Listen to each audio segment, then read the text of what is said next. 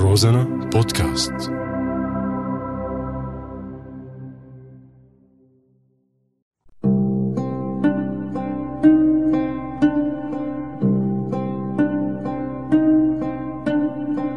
بعدك على بالي.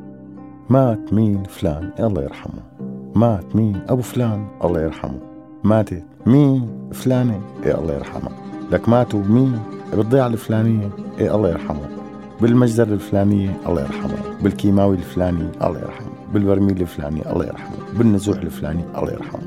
هيك يا صديقي منكون احتجزنا ملك الموت عن الكرة الأرضية وصار بس عنا بس إلنا بس مشاننا. ومشان ما تفكرنا متشائمين رح ذكرك بشعاراتنا الموت ولا المزلة. عالجنة رايحين شهداء بالملايين. من هاب الموت لو جانا بالدبابة والشهادة أو النصر. وأنا رايح استشهد.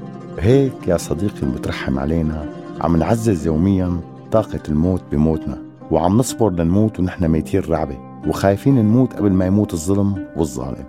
الموت صار أخف ضرر أخف من الاعتقال وأخف من النزوح وأخف من التشرد. والموت منمشي يوميا من حاجز لحاجز من بلد لبلد ومن ضيعة لضيعة.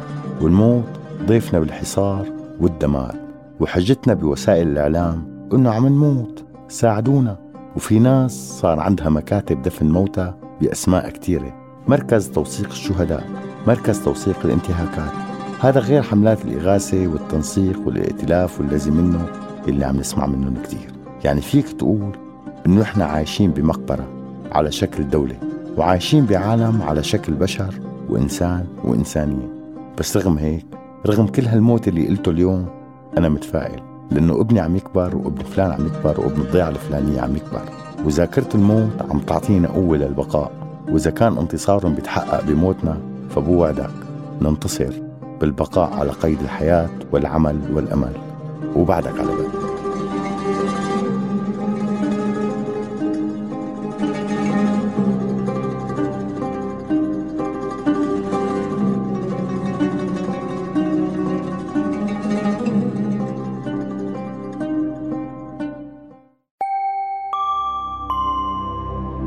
روزانا بودكاست